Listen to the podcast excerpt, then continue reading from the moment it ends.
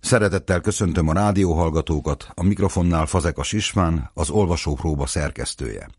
A Katolikus Rádió új színházi magazinjának negyedik adását hallják. Hangos periódikánk célja, hogy a színház világához, a színház eredendő rendeltetéséhez közelebb vigyük a kedves rádióhallgatókat, és hogy együtt gondolkozzunk értékeinkről, az európai, ezen belül is leginkább a magyar valóságról. Mai témánk a báb, a bábjáték és a bábszínház. Állandó beszélgető partnerem Nagy Viktor színházi rendező, a Színház és Filmművészeti Egyetem osztályvezető tanára, a Pesti Magyar Színház új igazgatója, és a mai műsorban megszólal még Urbán Gyula, a Magyar Köztársaság érdemkeresztjével kitüntetett író, költő, bábrendező, Korjürek Vera, Mészáros Vincéné díjas bábkészítőmester, az Állami Bábszínház, majd a Budapesti Bábszínház bábkészítő műhelyének egykori vezetője, valamint Szilágyi Bálint, egyetemi oktató, bábrendező, az SFE osztályvezető tanára.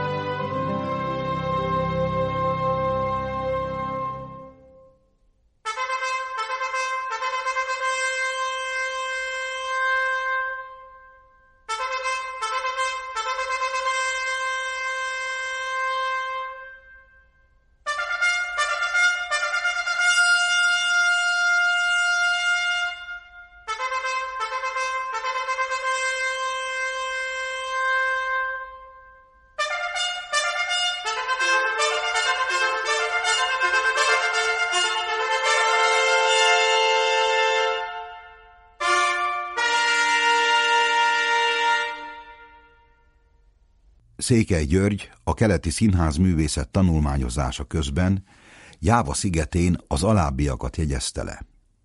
Amikor este kilenc óra felé Jáva szigetén a kíváncsi nézők elhelyezkedtek az árnyáték hatalmas vászna előtt, elérkezett az a pillanat is, amikor a játék vezetője, a Dalang, egy bőrből metszett, egy méter magas levélformájú alakzatot helyezett el a vászon közepére. A levél belsejében gazdag mintát láthattak a jelenlévők, hegyet, fákat, kaput őrizőkkel, a villám tört vonalát. Egyes kutatók úgy vélik, hogy az égboltot tartó világfa ábrázolása ez, és a világé is egyben. A vásznon való elhelyezése pedig, mintha azt jelentené, a játék során majd a világképe jelenik meg kicsinyben, a természet erői, hegyek, fák, és egy kapu, amelyet őrizni kell, mert valamiféle veszélyre mindig számítani kell, szükség lesz a játékban megjelenő és küzdő hősre, mert újra meg újra támad a gonosz. Tegyük csak fel a kérdést, kedves rádió hallgatók, hogy ki vagy mi ez a gonosz? Hol is lelhető fel? Ő az, akire mindannyian malomkövet dobnánk, vagy palacsintasütővel is megagyabujálnánk. A gonosz nem más, mint az emberi testnek az ős harmóniától való elszakadása, és alapvetően ott lakik az Istentől eltávolodott emberi testben. Ott van az ember belsejében. A testben élő kultúra bemutatásával ez a torzulás elementáris erővel hozható felszínre. A test parancsai látszólag a mindennapi élet banalitásairól szólnak. De csak látszólag, mert a mindennapi rutin banalitása mögött mindig ott rejtőzik az emberi létezés igazi drámája. A jó és gonosz küzdelme a testben, az ős harmóniától egyre távolodó emberi testben. Ezt a testet szimbolizálná a báb. És a báb csak szimbólum lenne? Amikor az ember először bábut formált, kinyitott egy léten túli dimenziót is. Mert a bábú, noha az ember készíti el, mégis egy másik világ gyermeke. Néma és élettelen, ám kimeríthetetlen csendje megrezdíti az emberi léten túli valóságot. Mozdulatlanságában megragyog az ember transzcendens eredetének nagy pillanata. A bábú arcának állandósága megsejteti velünk az eredendő tisztaságot, ugyanakkor tekintetének, vonásainak dermedtsége előidézi az első és keserű csalódást, az éden elvesztését. Éppen ezért a bábú ember szeretne lenni. Lelket akar tehát, hogy emberi módon cselekedhessen, hús-vértestet akar, hogy az ellenfelünk, vagy épp a küzdőtársunk legyen. A földi létben minden csak a megtestesülés által nyer cselekvő értelmet, így módon a legnagyobb nehézségek megoldása is mindig a test feladata. Szamár álkapocsal agyonvágni az ellenfelet, a gonoszkodók felé elhajítani a malomkövet, palacsintasütővel kupán kólintani az ördögöt. A testben ott szunnyadnak a primitív állati energiák, melyek az emberi cselekvés által kirobbanva a tökéletes irányába mozdíthatják az embert, a természettel való harmónia visszaállításának irányába, vissza a misztériumhoz, a test és lélek kapcsolatának ősi rejtelméhez, melyből megszületett a beszéd, az emberi szó, a teremtő életerő, az alkotás, a művészet, a világ befogadása, a világ világossága.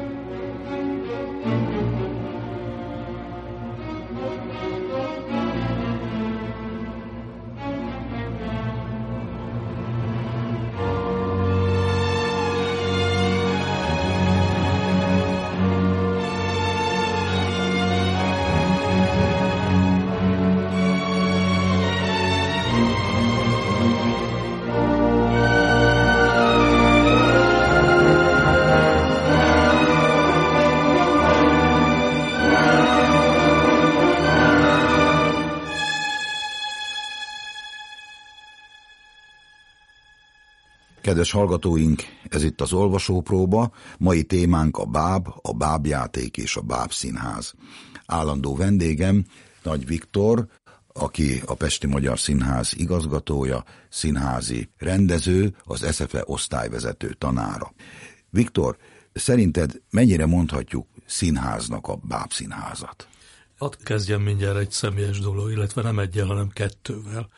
Az egyik az, hogy kisebb gyerekként én azt hittem, hogy a bábszínház egyelő a színházzal mert csak azt láttam. És nem csak azért, hanem mert olyan komplex színházi hatást váltott ki belőlem, hogy én valójában azt gondoltam, hogy ilyen maga a színház, ilyen maga a, a színházi játék.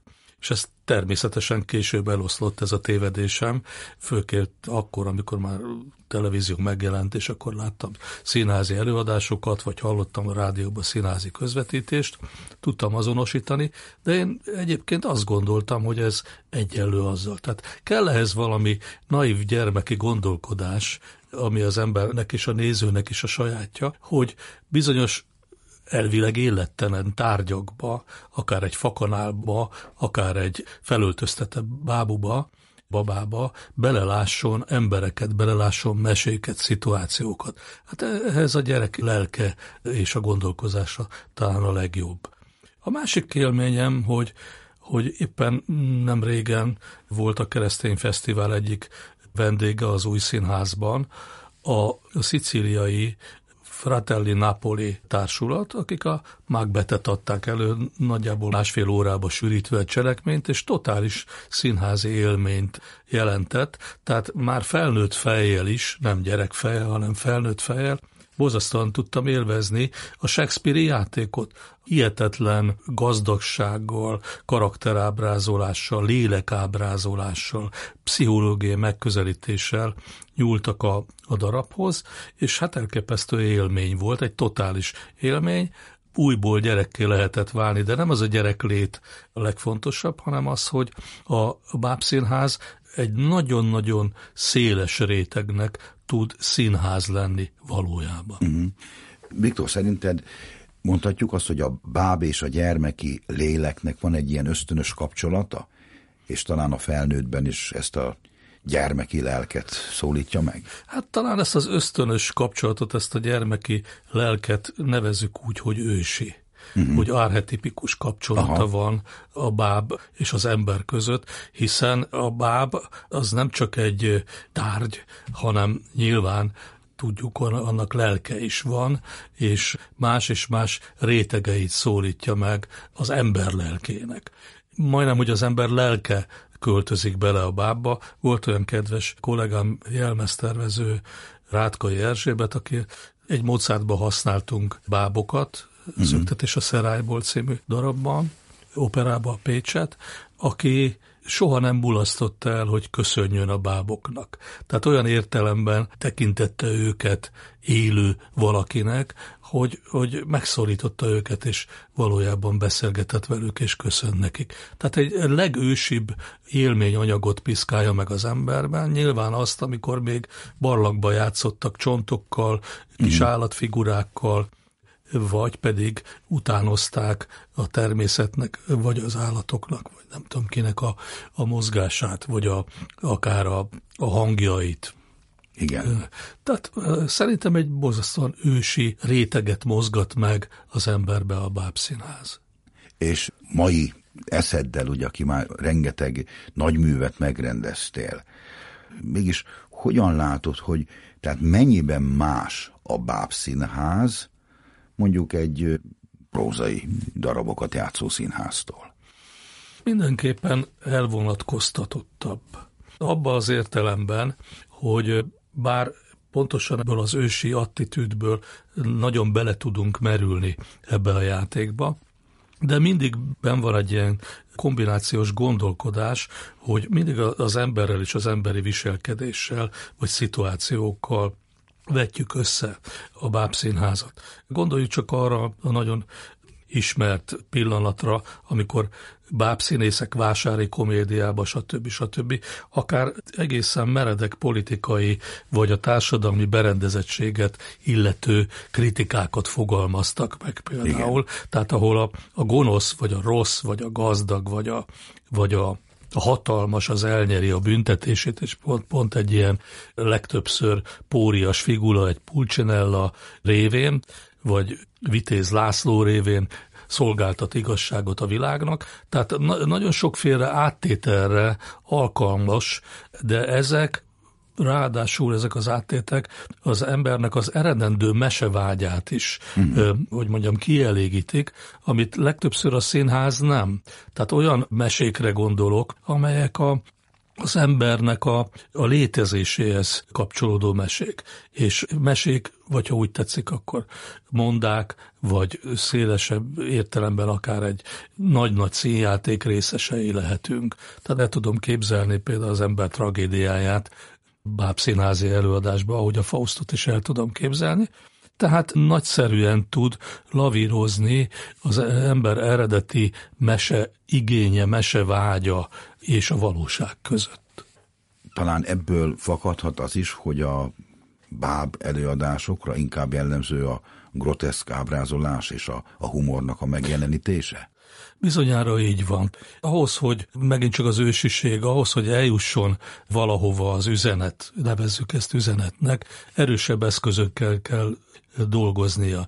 Nyilván a groteszk, a maró gúny, a humor, nagyon sokszor teljesen abszurd helyzetek, amelyek jellemzik a bábszínházat, oda röpítik az emberi képzeletet, ahova ez való és kiragadják, mint egy a, a valóságból.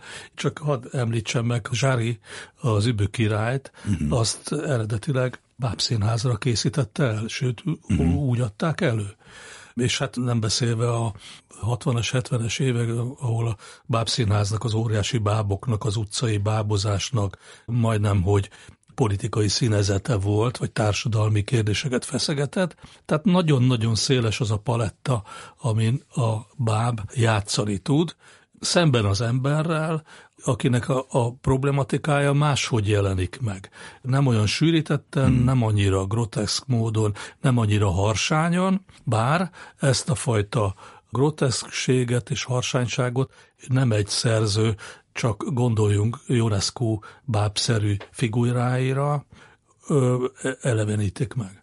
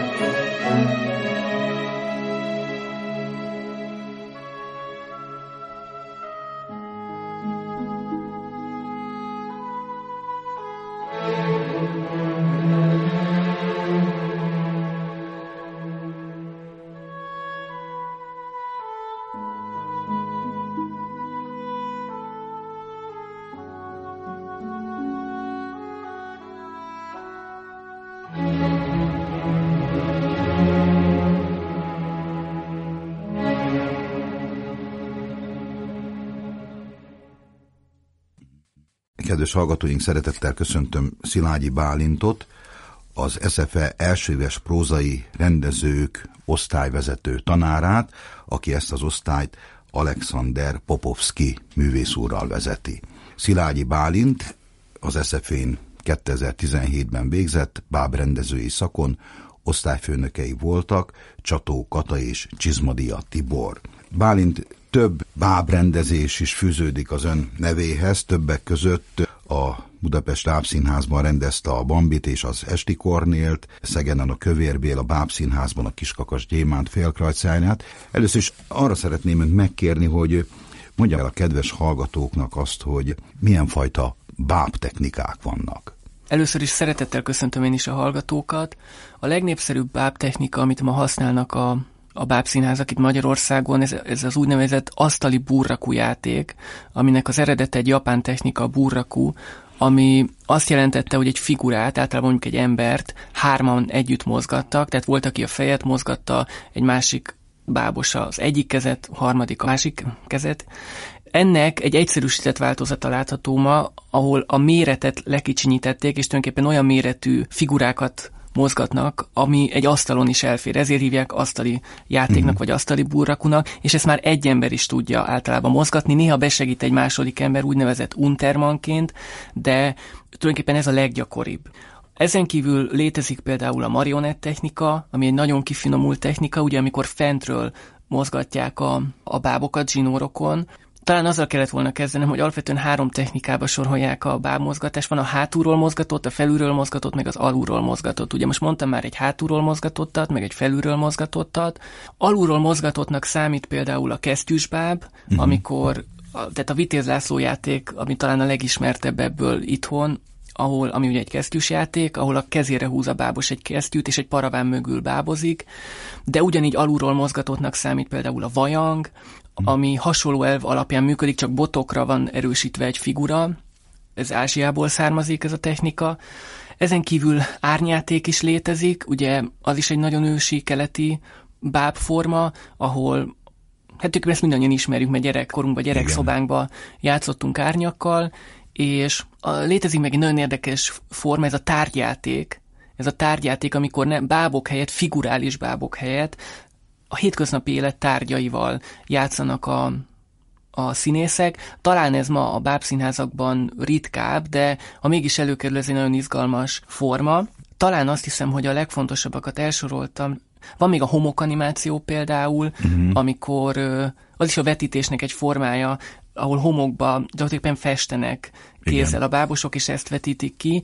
Egyébként, ha ez valakit érdekel, akkor a Budapest Bábszínhez repertoárján jelenleg van a Decameron 2023 című előadás, ami egy egészen elképesztő vállalkozás, mert ott sok egyéb mellett, sok egyéb érdekesség mellett egy előadásba jóformán belefoglalták az összes létező bábtechnikát, és a homok animációtól kezdve a kesztyűs bábig, a marionettig, uh-huh. mi minden, tehát tulajdonképpen jóformán egy előadáson belül az összes báb technikát meg lehet nézni, tehát ezt nagyon ajánlom azoknak, akik ez iránt érdeklődnek. Igen. Mi dönti el azt, hogy milyen báb technikát fog alkalmazni a rendező?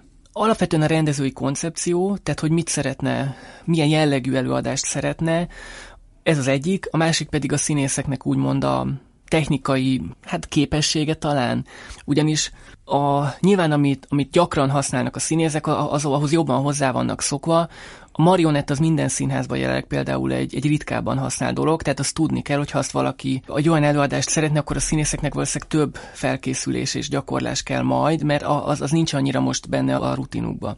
De ennél ami fontosabb, az maga a rendezői koncepció. Ugye a kesztyűsbábra például azt szokták mondani, hogy az, az a leggyorsabb technika, tehát, tehát a Vitéz Lászlót, ha látja az ember, ott nagyon gyors váltásokra képes a figura, az egy nagyon expresszív, gyors valami, a humora is tud nagyon harsány lenni. Ha például marionettet választja az ember, akkor, akkor ez egy sokkal érzékenyebb, sokkal finomabb, sokkal lassabb jellegű előadás lesz. Tehát a tempóját is tulajdonképpen meghatározza. Nyilván anyagi vonzata is vannak, mert, mert azért árnyátékot, annak is több fajtája van egyébként az árnyátéknak, de árnyátékot csinálni, ahhoz uh-huh. megfelelő lámpapar kell, vetítőfelületek, Igen. tehát azért ennek nyilván anyagi vonzata is van, meg hát, hogy a műhely az adott színháznak a báb műhelye, hogy mire van berendezkedve, és mennyire kreatívak, mert például Budapest Bábszínházban, amikor dolgoztam, ott egy rendkívül kreatív és uh-huh. nagyon-nagyon jó csapat van ott, és nagyon segítenek még abba is, a rendezőnek nekem nagyon sokat segítettek, például, hogy megtalálni a megfelelő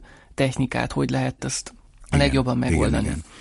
Mennyiben más mondjuk egy bábjátékot megrendezni, mint mondjuk színre vinni egy más jellegű színpadi művet? Technikai jellegű az egész műfaj, tehát kezdve onnan, hogy ha a bábszínész nem kapja meg a kész bábot időben, vagy, vagy amíg nincs a kezében az a báb, addig jóformán nem nagyon tud próbálni. Tehát ez problematikusá is tud tenni próbafolyamatokat, hogyha például a műhely nem készül el időbe, mert sajnos ez néha azért előfordul, akkor ugye próbabábokkal szoktak dolgozni a bábszínészek, és annak a súlyozása, az ízeltsége nem feltétlenül pont ugyanaz, és hát ezek nagyon-nagyon sokat számítanak. És hát amíg a technikát nem uralja a bábszínész, de jóformán ez olyan, mint egy hangszer, csak mindig Igen. újra kell tanulni, majdnem a nulláról, de ezért persze nem egészen a nulláról. Tehát az első időszak az jóformán csak a technikáról szól. Mm. Ahogy hogy mozdul meg, mik a legkifejezőbb mozdulatai egy bábnak, mi áll neki jól, ennek a feltérképezése. Mm. És utána tulajdonképpen ugyanaz történik, mint egy prózai színházban, tehát beállítunk ritmusokat, kompozíciókat, mm. helyzeteket, meghatározzuk az egész előadás ritmusát, mm. de, de ezt meg kell, hogy előzze egy ilyen komoly ismerkedési és Aha. alapozási fázis, ami a báb Igen. való ismerkedés. Igen. A színész kiválasztásánál mi lesz itt a döntő? Nyilván vannak kiemelkedően ügyes, tehetséges bábosok, és nyilván azért van, aki mondjuk vagy van, akinek más technikák állnak jól, mm. vagy mhm. van, akinek más a készügyessége, igen, van, akinek igen. a vokális képességei, vagy az énekhangja nagyon lenyűgöző, van, akinek Aha. a manualitása nagyon jó, van, aki a kesztyűsbában nagyon ügyes, mm. Van, tehát, tehát azért itt is, itt is adottságok mm. vannak. Az is előfordul, hogy aki mozgatja a bábot, nem ő a hangja? Akár ezzel is lehet játszani, mm. mert ugye dramaturgiailag a báb nagyon sok mindenre lehetőséget ad, amire az élő színház nem.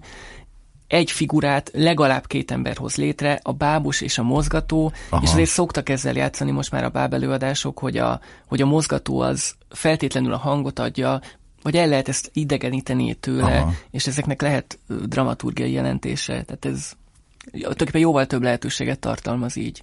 Hogy látja egyébként, hogy mi kell ahhoz, hogy egy báb életre keljen? Kell itt is a színészi átlényegülés?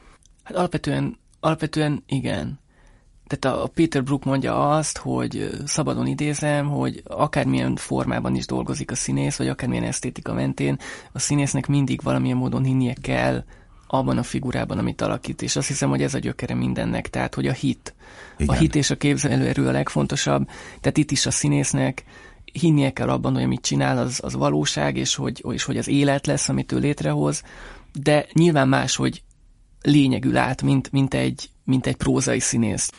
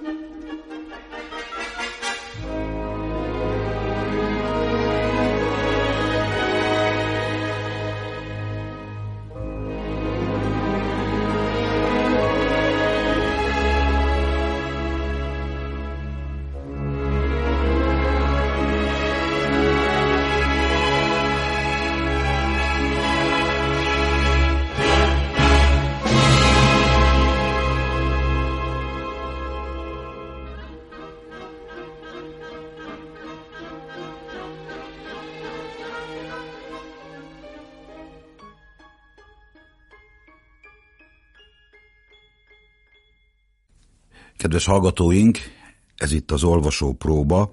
Vendégem a stúdióban Korjürek Vera, aki a 70-es években az Állami Bábszínház bábkészítő műhelyének munkatársa volt, majd pedig a Budapest Bábszínház bábkészítő műhelyének a vezetőjeként dolgozott egészen 2012-ig. Valamint vendégem Urbán Gyula, költő, drámaíró, báb és színházi rendező.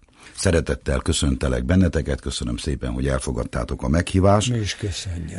Az első kérdésem, Vera, az lenne, hogy a bábról tulajdonképpen mit illik azért tudnunk, azon kívül, hogy a báb az egy olyan figura, amit megpróbálunk akár az ember, vagy akár valamilyen állat képére megformálni, hogy igaz az a mondás, hogy a báb figura már önmagában is magában hordozza a szerepet? Természetesen igaz, de azért egy kicsit összetettebb a dolog, mert nyilván, hogy úgy tudja önmagában hordozni, hogyha a bábkészítő, aki készíti, az szoros kapcsolatban, munkatársi viszonyban van a tervezővel, a rendezővel, adj Isten a forgatókönyvíróval, tehát ismerni kell, hogy ők mit is szeretnének kihozni a darabból, és melyik szereplőnek milyen karaktert, milyen vonást, milyen jellemet szeretnének adni. Ha ebben nem vagyok tisztában, akkor nehezebb lenne, mert akkor csak a saját gondolatomat vinném be, viszont a színházba ugye ott van tervező, tehát nem mehet mindenki a saját feje után a műhelyekben, nekem ezért kell ismernem, hogy ők mit szeretnének. Ezt úgy oldom meg, hogy egyrészt, ha módon van rá, akkor elolvasom a forgatókönyvet, szeretem elolvasni, ha ismerem a darabot elevet, vagy, vagy egy, a mesét, vagy a sztorit, tehát mit tudom, egy prózát, vagy valamit átültetnek, akkor azért, mert kíváncsi vagyok, hogy hogy alakított át. Ha meg új darab, akkor meg azért, hogy na, mit is szeretném mondani, és ez így is van mindig, mert a tervező és a rendező minden darab elején, mikor kezdődik a produkció, kivitelezés, akkor bejönnek a műhelybe, és tartunk egy nagy össz. Hát nem értekezlet, megbeszélés. Tehát fölvezetik Igen. a koncepciójukat, meg elénk rakják a terveket, és akkor jön, jön a megbeszélés, Igen. hogy ez így jó, nem jó, hogy lehet, stb. Természetesen, amikor csinálom a bábot, akkor muszáj arra gondolnom, hogy mit gondolt a tervező, de valamit magamból is bele kell adni. Tehát egyrészt empatikusnak kell lenni, kell ismernem a tervező, rendező gondolatait. Ezért jó az a módszer, amikor egy színháznak van állandó tervezője, mert az évek során megismerjük egymást, és már szinte gondolataiba olvasunk egymás gondolataiba, aztán van az a része a dolognak, amikor ugye mindig szokták mondani, hogy jaj, hát itt, a, itt történik a csoda az asztalon, a báb készítő asztalon, mert hogy itt a holt anyagnak ugye életet adunk. Ez egy nagyon jó mondás, más művészetekben is alkalmazzák, másképp értelmezem, mert számomra az anyag se holt. Tehát ami az én asztalomra kerül, amiből dolgozni fogok, akár legyen textil, fa, fém, bármi, papír, nekem az nem volt anyag, én már abban is meg kell, hogy lássam, uh-huh. hogy mhm. ez hogy fog a bábhoz hozzá idomulni, vagy hogy fogom én ebből a bábot megcsinálni. Tehát egyáltalán nem tartom Igen. anyagnak. Ha sikerül a jól elkészíteni a bábot, ugye, ami az egy dolog, hogy a külseje, a karaktere, a jelleme az látszódjon, de ott van még a nehézsége, hogy technikailag, hogy a színész tudja mozgatni, kényelmes legyen neki, tehát segítsem őt, hogy majd a művészi mozgatást ő nagyon szépen meg tudja oldani. Úgyhogy ez is egy elég nehéz dolog, hogy ismerik el a színészt uh-huh. aki mozgatja, hogy neki mi a stílusa, mit szeret, hogy uh-huh. szeret, hova kell neki valami segéd, mondjuk így billentyűt, valamit, bármit berakni, hogy ő ha. könnyebben tudja mozgatni, vagy szebben. A jó színész az be is jár a műhelybe, és folyamatában próbálgatja a bábot. Úgyhogy Aha. hát ez így ilyen közös munka, a rendező is bejön közbe, a tervező pedig hát minden nap ott van, mert mindig felmerülhet egy kérdés, ilyen prózai dolog, hogy jaj, nem kaptunk ilyen anyagot, akkor mi legyen helyette? Ha az ember már elég tapasztalt, akkor vannak dolgok, amiben maga eldönti, és a tervező azt mondja, hogy teljesen jó, Igen. mintha csak hmm. én találtam volna ki. Tehát ez, a, ez én úgy tartom, hogy a jó bábkészítő az alapból művelt, hogy így mondjam, tehát az összművészetek iránt mindenképpen érdeklődnie kell, a képzőművészet elengedhetetlen, és hát a zene is, mert hogy ugye ez mind a színpadon ott van. Igen. Gyula bátyám, a rendező szemével, a bábról, mit lehet igazából mondani? Egy rendező hogyan látja a bábfigurát? Ott van a bábkészítő mester, elkészíti, amit ő eléd tesz, te erről mit mondasz? Először is definiálnunk kellene magát a bábot. Nagyon sokan mondják a mi szakmánkból, hogy nincs esztétikája a bábunak, pedig van. Például Heinrich Kleist, aki az eltört korsót írta, stb.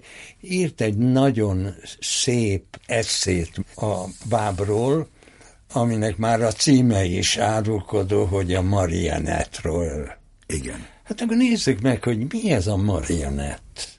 Ez márjácskát jelent franciául. Egyfajta egyházi liturgiához kapcsolódó bábú volt eredetileg, de vagy még akár mennyire? A, vagy a betlehemes játékhoz is kapcsolódó? Így van.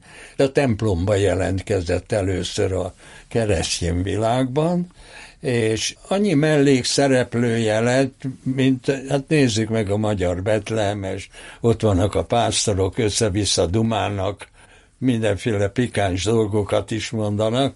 Na ez történt a templomba is, úgyhogy kiseprűzték a bábot mm, tulajdonképpen a templomból, és megtalálta a helyét a vásár. Vásár. Komá, a vásártéren. Vásártéren, igen. Igen. És, és akkor és, egy játék technika lett, ugye, akkor innentől? Igen, uh-huh. igen. Több hasonló zsáner van, ami hasonlít a bábura, uh-huh. vagy testvére, az az egyik a pantomim, uh-huh. a másik a tánc, a harmadik pedig az a szakralitás. Igen, igen. Mert a bábú, akárhogy is nézzük, egy szakrális objektum. A gyerek ezt nem úgy fogja föl, de hogyha egy napocskát rajzol, az már egy szakrális tett. Igen. Ugye az univerzumba elhelyezi magát, és ezt a napot, ami simogatja az arcát. Na most nagyon érdekes, amit Kleist ír ebbe a kis írásában, mert azt fejtegeti, hogy a bábú tulajdonképpen mi akar lenni. És mi? A, a bábú élő dolog szeretne lenni. Megállapítható az is, hogy a báb az illúziós színháznak a csodája? Ez így van, még akkor is, hogyha látom a mozgatót. Hogy gondoljátok, hogy a bábszínház a gyermekek adekvát színháza, vagy pedig ugyanúgy adekvát színháza a felnőtteknek is? Most az a helyzet, hogy itt egy téveszmét kellene valahogy lerombolni, mert az emberek általában úgy gondolják, hogy ez egy gyerekszínház. Urbán Gyula hogy gyerekeknek játszanak, jön a kisegér, jön a Mackó bácsi, stb. Tehát, hogy gyerekszínház. Az az igazság, hogy ez nem gyerekeknek készült. A Grimm mesék, azok azoknak az embereknek készültek ott a vásáron, mm. akiknek a tudata nem egy lehetetlen tudat volt, hanem egy gyermetek tudat. Így aztán ketté vált végső soron ez a műfaj. Az egyik az, ami, ami inkább filozófikusabb, ez a felnőtteknek, a felnőttet érdekli az, hogy hogy lehet metaforikusan kifejezni valamit. Mm, igen. És a gyerekeknek megmaradt az illúzió, amit követel egy gyermeki lélek. Csatlakozva Gyulához. Korjürek Vera. Azt tudjuk, hogy eredetileg a mesék se gyermekeknek szóltak, de a régi-régi autentikus mesék felnőtteknek szóltak, nem volt külön választva a felnőtt és gyerekvilág, együtt ültek a sátorba, vagy a tűzhelynél, tudom, tűzhelynél és a felnőtt, aki tudott, mesélt. Ebbe is bizony nagyon sok horrorisztikus elem volt, de a gyerekek ezen nőttek föl. Igen. Tehát nem volt tényleg ketté választva a gyermek és felnőtt világ ilyen szempontból. Hát aztán ugye elkezdődött ez a, nem is tudom, talán a 19. században, vagy mikor igen, kezdték igen. el a gyermekeket így hogy is mondjam, túlpátyolgatni, túlóvni, már ahol ugye, mert a szegény gyerekeknél azért ez nem volt. De hát, hogy én szerintem éppen ezért, mivel eredendően a mesék és a történetek annó nem külön korosztályoknak szóltak, én úgy gondolom, hogy ma is a bábszínház is, meg a színház is, tehát a bábszínház is felnőtthöz és gyerekhez egyaránt kell, hogy szóljon. Az a felnőtt, aki beül a három éves vagy négy éves gyermekével, és nem tudja beleélni magát abba a szerinte kicsit bárgyú történetbe, amit ott előadnak, mert nem veszi észre, hogy azok az állatfigurák, amivel ugye közel tudjuk a gyerekhez vinni a sztorit, hogy azok humanizált állatfigurák. Emberi karaktereket hordoznak. Jó, rossz, hazug, csaló, jóságos, Igen. stb. Tehát az a felnőtt, avval nem lehet mit kezdeni. Az valószínű, hogy egy, egy felnőtt színházba se fogja megérteni a lényegét a dolognak. Jó, nyilván aztán vannak olyan extrém felnőtteknek szóló előadások, hogy nem vinném be én se a gyermekemet rá, vagy nem vittem volna be, mert most már bemegy, mert 40 éves. Igen. Úgy, de én úgy gondolom, hogy, hogy ez, ez mindenkinek kell, hogy szóljon. Ja. Mindenkinek. Ha nem szól Igen. mindenkihez, akkor vagy rossz a darab, vagy az emberek vesztették el a képességüket, ezt a gyermeki képességüket, hogy, hogy rácsodálk, meg hogy egyáltalán egy beleéljék magukat az ott látott Igen. dolgokba. A bábú követel még egy szociális vizsgálatot is. Mert a piactereken lassan kialakultak azok a nemzetekre jellemző figurák, mint nálunk a Vitéz László, a Kemény mm. Henrik, Petruska az oroszoknál, akkor a franciáknál mondja Déci. A ginyol, mm. és hát az angoloknál ez, ez a, a pupos szörnyetek. Punch. Punch mm. és Judy. Mm. Ugye ezek, ezekről megismerték az emberek azt, hogy honnan való. Igen. És milyen kultúrkörből jött, ez az egyik, a másik pedig, hogy ezek a furcsa figurák, ezek mindig az alsóbb rétegeket szimbolizálták, és jól elnáspángolták a zsandárt, a rendőrt, a katonát, a nem tudom micsodát, a kemény Heninél még a halált is. Én azt még hozzátenném, hogy mennyire fontos ez a szociális gondolkodás a bábúval, vagy akár még a színházzal kapcsolatban is. Volt egy nagyon híres tanárom, dr. Erik Kollár, Isten tudja hány egyetemnek volt a díszdoktora, és azzal bocsátott el bennünket a diploma után, hogy majd valahova el kell hűtök, mint a katonák. Akkor mit kell csinálnatok? El kell menni a paphoz, mert a bábú olyan, mint az első teremtés. El kell menni az iskolába, hogy a gyerekeket mire tanítják. El kell menni természetesen az óvodába, hogy milyen meséket tanulnak a gyerekek, és el kell menni a polgármesterhez is, mert mint minden színháznak, a bábszínháznak is van anyagi vetülete. Pénz nélkül nem létezhet báb, csak csutkapapa, de az is bábú, és hála Istennek létezik.